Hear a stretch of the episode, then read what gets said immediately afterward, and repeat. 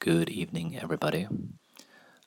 Uh, I've just had my first session with the, the, Nintendo 3DS game Triforce Heroes, which is the latest Zelda game, I guess. Uh, I think it was released earlier this year or around Christmas last year. And I bought it pretty much as soon as it came out, but I haven't played it until now and I thought I should blog a bit about my first impressions. But I'm also in a hurry to get to bed because I'm quite tired. So I figured, hey, let's make a microcast, speak for a minute or two instead of sitting down and writing. So the game is heavy on multiplayer. You're supposed to play as three characters at the same time, so three people are supposed to play. You can play locally or you can play online, or you can play a single player version where you control all three characters one at a time.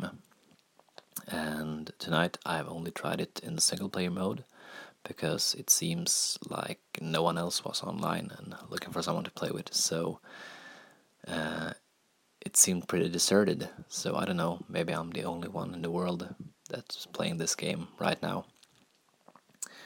Um, anyway, the single player mode seems fun.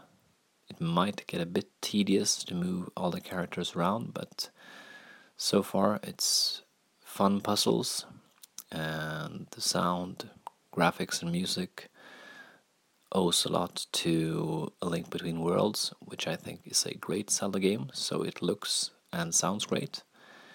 Uh, I think I will keep playing it, but uh, it hasn't really grabbed me like a Zelda game should because so far there's not that much story really and I really like the story part of Zelda games.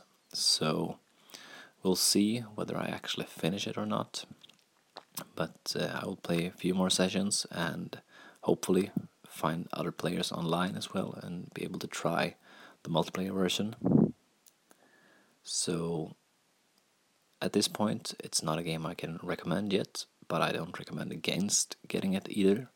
So stay tuned, and I will keep playing at a later later time, later date, and I will keep you updated. Okay, good night, everyone.